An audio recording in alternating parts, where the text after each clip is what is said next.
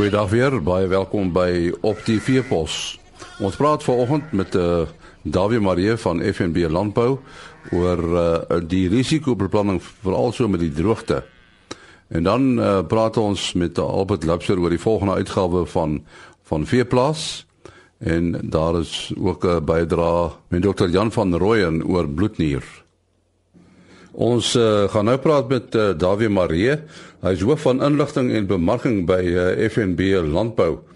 En ons uh, praat 'n bietjie met hom uh, oor risikobenadering en die bestuur om uh, impak van droogte te hanteer. Nou uh, Dawie, hulle sê dikwels 'n mens boer nie, jy doen eintlik risikobestuur. Maar as dit droog is, moet jy seker 'n bietjie meer intens met die goed omgaan, né? Nee, nee, definitief. Ek dink die droogte wat ons nou ervaar uh, en ons weet dit is een van die, van die ernstigste droogtes in 'n baie lang tyd. Dink ek het ons net weer voor daai besef gekom dat dat risikobestuur is baie meer belangrik as wat ons wil glo dit is. So daar's 'n paar dinge wat 'n mens na kyk, kontantvloei byvoorbeeld, né? En ja, baie belangrik in enige boerdery is natuurlik die kontantvloei. Ek dink dit staan bo in die bo in die lys, weet of jy nou 'n graanboer of 'n beesboer of of gemengde boerdery het. Uh kontantvloei is op die ou end uh, die belangrikste een. Ehm um, daar's dan natuurlik 'n paar hele ander uh, faktore wat jy moet in ag neem. Ons saam met jou kontantvloei moet jy mens ook kyk na jou voervloeibeplanning. Uh in die geval van van lewende hawe uh, boere waar dit baie baie nou hand aan hand loop.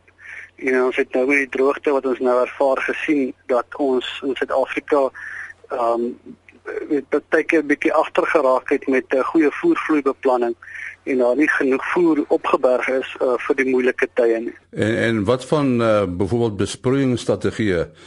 Hierdie definitief uh, besproeiings en en besproeiingstegnologie is is besig om so uh, radikaal te verander en te verbeter dat mense altyd op die hoogte daarvan bly. Uh in 'n land soos Suid-Afrika wat wat eintlik maar 'n waterskaars land is. Uh en wanneer ons 'n droogte het, weet ons dat landbou het die het die minste sekerheid van besproeiingswater. So wanneer daar waterbeperkings ingestel word, is die landbousektor uh wat die grootste verbruiker van water is, um is is hulle die ook die die industrie wat eerste gesny word. So om dan water effektief uh, en produktief te benut, is dit baie belangrik om te kyk na jou jou besproeiingstegnologie uh en jou besproeiings jou hele besproeiingsbeplanning wat jy toepas. Dink jy dat uh as 'n mens by jou bure gaan afkyk met ander woorde kommunikasie om te sien hoe jou buurman uh se strategie werk, dit kan ook help? Definitief. Ek dink uh weet die die die beste ou om by te gaan leer is jou buurman. Dit sê natuurlik dat hy gegee dat hy beter uh boer as jy, dan leer 'n mens by hom. Maar ek dink wat baie belangrik is is is wat die Engelse noem benchmarking. En en studiegroepe doen dit baie goed uh waar hulle by mekaar leer, maar nie net ook uh, in 'n in 'n sekere distrik nie. Maar baie van die studiegroepe beweeg ook uit na ander gebiede en hulle gaan lewe voor boere dit in die Kaap toe. Want alhoewel die grondverskil en die klimaatverskil, is daar sekere dinge wat 'n mens tog by hulle kan leer uh hoe om beter te boer en en meer produktief te boer. Dieselfde geld natuurlik ook uh vir internasionale uh boerderye. Met die internet en met sosiale media kan 'n baie kan mens baie maklik inligting bekom uh, oor boerdery tegnieke in enige plek in die wêreld. En ek dink boere moet moet begin afslaan daarop uh om te kyk weet hoe om die beste inligting in te win sodat hulle plaaslik baie meer effektief en produktief kan kan boer. So jy, jy sê die, dat die banke uh, in die wieg gelê is om hierdie soort inligting by boere te kry uh en om hulle uit te gaan wys hoe om dit te doen. En ja, ek dink dit is 'n baie belangrike taak wat ons kan vervul uh alhoewel ons ons natuurlik meer sou fokus op die fin finansiële kant. Daar's baie uh organisasies soos produsente organisasies en ook ander insetverskaffers wat baie meer op die tegniese kant en die tegniese inligting uh uh met hulle hulle nismark het om daardie inligting by die by die produsente uit te kry. Van die banke se kant af sal ons uit, uiteraard fokus op die finansiële aspekte, kontantvloeibeplanning, ehm um, risikobestuur binne die binne die finansiële omgewing wat vir die boer baie belangrik is. Ons sê baie dankie aan Dawie Marie. Uh, Dawie is die hoof van inligting en bemarking by FNB Landbou. En nou stel ons vir Albert Lipser van Veeplaas aan die woord. Die Februarie uitgawe van Veeplaas is nou op die rak. Um, ons het Bonsmaras op die voorblad want Maart maand is ook die uh, rooi geleentheid van die Bonsmara Teelersgenootskap. Ehm hierdie maand se uitgawe staan hoofsaaklik op twee redes uit. Die een is uh die uiteinde van ons Kouvoer kompetisie en 'n fokus daarop. Uh ons doen hierdie uitgawe bylaag oor die Kouvoer kompetisie en dan die tweede ene is ons wildbylaag. Nou miskien eers by die Kouvoer kompetisie. Dis 'n jaarlikse kompetisie wat Santam borg om die Kouvoer koning van Suid-Afrika te kroon. Nou die hierdie jaar is die koning Hannes Netling en ons het 'n besoekartikel gaan doen by Kalinin op sy plaas om te kyk hoe word 'n mens 'n Kouvoer koning in Suid-Afrika. Dis ook nou die tweede jaar wat Santam die kompetisie borg en die prysuitdeling was verlede maand gewees. Die wildbylaag is nou ons derde uitgawe. Die wildbedryf uh, ontplof, almal sê dit, almal weet dit, maar uh ondersteun die syfers dit. Dit is die groot vraag. En in hierdie uitgawe van van Wildplaas wat nou die bylag is, kyk ons uh, na vergelyking tussen die syfers van 2014 en 2015 se veilingpryse. Johan Reyneke het 'n ver, vergelyking gedoen tussen 2014 en 2015 en dis syfers wat nog nooit gepubliseer is nie. So vir enige iemand wat in die wildbedryf belangstel, wat wil weet of die, die sogenaamde bubble nou gaan bars of nie, uh, is dit definitief goeie leesstof om 'n bietjie daarna te kyk. Vir die res is veeplaas soos altyd uh, hoop ek vol inligting vir die boer. Uh die oorwegende tema is uit die aard van die saak maar die droogte. Dit is uh, seker die ergste droogte in in landbougeskiedenis in Suid-Afrika wat aangeteken is en die nagevolge gaan ons nog baie lank en en baie pynlik ervaar. Dit het in baie streke nou alreeds goed gereën, maar in baie streke is die skade alreeds gedoen. Uh daarom is voer maar nog steeds die onderliggende fokus in die boek uh om boere te ondersteun in hierdie tyd van droogte. Ehm um, in die rooi vleis afdeling is daar 'n besonderse artikel wat ek dink uh, boere baie sal geniet. Ehm um, 'n besoekartikel by Allison Oats wat uh, Isak Hofmeyer geskryf het uh, wat veral die artikel besonder maak is uh, sy is aangeval op die plaas in die tyd uh, wat die artikel gedoen is.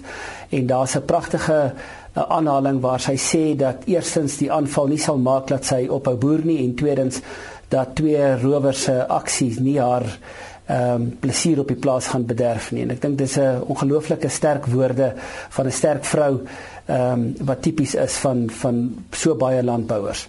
Uh ook in dieselfde uh afdeling in die rooi vleis afdeling uh, het Marika Brits gaan kyk na die uh aansprake dat uh rooi vleis kanker sou veroorsaak. Ek dink 'n besonder in in sy gewende artikel. Uh in die suiwel afdeling is daar 'n besoekartikel uh by Miles Marsh wat Isak Hofmeyer geskryf het wat 'n uh, uh, dink ek 'n goeie prentjie gee van van hoe ou suksesvol nog in hierdie tyd en dag in in die suiwelbedryf kan opereer en in die vesel afdeling is daar 'n artikel wat uh, Johan van Eysen gaan kyk het na wat die vraag vir natuurlike vesel is. In die wildafdeling is daar 'n artikel wat ek dink uh, baie mense uh, met groot belangstelling sal lees. Uh, uh oom Andrius Gous het 'n artikel met uh, uh Piet Warren gedoen om bietjie te praat oor wat sou gebeur as die handel in renosterhoring wel toegelaat word. Volgens uh, Piet Warren sal dit die uh, uh, druk op renosters aansienlik verlig en sal daar uh, baie meer bekostigbare planne in werking gestel kan word om die uh, geweldige uh, uh, uh, stroping van die uh, renosters ook te slaan. In die tegniese afdeling is die voerafdeling in hierdie maand die fokusafdeling ehm um, twee artikels wat ek dink 'n uh, eh, spesifieke waarde het. Die een is oor brouersgraan wat via Lombard na kyk. Uh brouersgraan wat nog altyd as 'n proteïensupplement 'n groot plek in die veebedryf het. En dan 'n tweede ene waar Koos Stupesani kyk na die maal van voer en uh, wat mense alles in ag moet neem.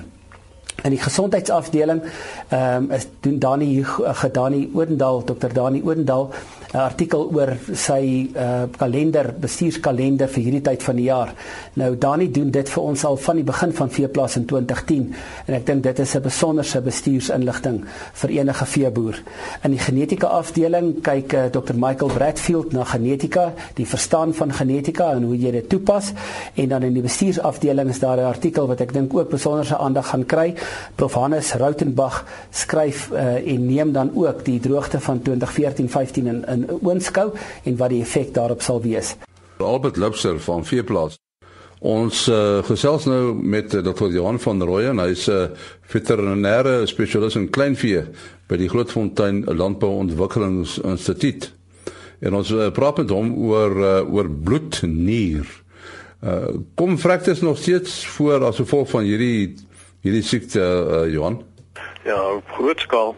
Um, ons het hierdie afgelope paar weke, miskien paar maande het ons baie fraktes gehad, uh, veral onder lammers van bloednier omdat die voedingstoestande so abnormaal was en diere redelik onder stremming was en ek het net vanoggend verneem van 'n boer wat ook 'n klomp vrektes uh, onder sy volwasse hoë gehad het net na die onlangse reën. So is dit maar stres wat wat die siekte veroorsaak. Ja, kyk die die siekte word veroorsaak deur 'n bakterium wat in die darm bly en dan vermeerder wanneer die samestelling van die darminhoud verander. Met ander woorde, as daar skielik ander kos gevoer word of as daar mielies gevoer word of as daar skielik ehm um, sagte groenvoer gegee word vir die dier. Ehm um, maar dis die stres wat eintlik daartoe lei dat die immuniteit van die dier nie voldoende is nie. Ehm um, en selfs al in die diere eh, die word die diere geënt, uh, kan dit ook wees dat die stres van die droogte en die hitte en so aan uh, lei daartoe dat hulle nie voldoende immuniteit vorm wanneer hulle wel ingeënt word nie. En, en wat is die simptome? Ja, die simptome is 'n klomp vrekskaap. Ehm um, dit is maar die mees algemene. As 'n mens gelukkig is, dan sien jy 'n dier wat ehm um, bietjie senuwee simptome wys en dan so 'n bietjie skuim by die neus uitkom en soms 'n bietjie diarree, veral in bokke sien ons diarree, maar die mees algemene simptoom is dat diere net eenvoudig dood lê. Uh, hulle vrek baie akiet. Daar's ook 'n kroniese vorm waar mens soms 'n uh, aantasting van die brein kry en dan sal jy diere kry wat totaal verward voorkom en nie kan loop nie, net in die lê en ehm um, in die lug gaan staar. So daar is geen sigbare tekens voordat die dier vrek nie. Ja, daar's baie min waarskuwing. Ehm um, dis gewoonlik sien 'n mens net dooie goed. En die oplossing is natuurlik 'n gereelde inenting. Ja, nee, inenting is maar die manier om dit te doen. Mens moet net seker maak dat jy die enstof goed hanteer uh en dat jy uh, enstof kry wat uh, in die koue ketting gehou is en dan ook dat jy diere het wat wel kan reageer op die immunisering. Jy weet diere wat swaar kry voedingsgewys kan partykeer nie uh, reageer op die op die inenting. En hoe gereeld moet 'n mens die, die diere inent? Ja, kyk die die normale patroon wat ons volg is om die diere op rondom speenouderdom twee keer te ent, ehm um, voor speen en na speen en om daarna vir hulle jaarlikse skraagdosis te gee. Onder sekere omstandighede is dit nie voldoende nie waar daar 'n hoë uitdaging is soos byvoorbeeld in voerkrale en op lande en aan mag dit nodig wees om dit meer gereeld as dit te doen maar in die normale veldtoestande is twee inentings vir vir die begin en dan 'n jaarlikse skraagdosis gewoonlik voldoende en, en speen lammers wanneer moet mense hulle vir die eerste keer inent? Ja, jy weet uh, ek dink volgens die inligtingspamflet wat saam met die instof kom, praat hulle van 6 maande, maar ek dink ons diere groei baie vinnig nou so dae ons het diere wat baie vroeër volwasse word en my aanbeveling is dat 'n mens voor 90 dae oud, voor 3 maande oud moet mens reeds die eerste inenting gee en dan moet jy dit opvolg 6 weke later met 'n skraagdosis waar die lammers wel onder baie stres is en wanneer daar nie sekerheid is dat die oeye wel teeliggaampies vir die lam gegee deur die biesmelk nie, het ons nou al geleer dat ons selfs so vroeg as 3 weke oud die eerste inspuiting kan gee en dan elke 6 weke daarna tot hulle omtrent so 4 maande oud is. Uh dit is uitsonderlik, maar ons het hierdie jaar met die droogte nogal baie gevalle gehad waar ons die lammers op 'n baie vroeë ouderdom moes begin ent. En is daar enstof beskikbaar? Ja, nee, die enstof is daar's gelukkig ehm um, 3 of 4 of 5 alternatiewe. Ehm um, daar's verskeie maatskappye wat die produk op die mark het uh, alleen en in kombinasie. Ons sê baie dankie aan Dr. Johan van Rooyen van die Grootfontein Landbou Ontwikkelingsinstituut. daarmee ook die einde van ons program. Môreoggend is ons terug. Ah.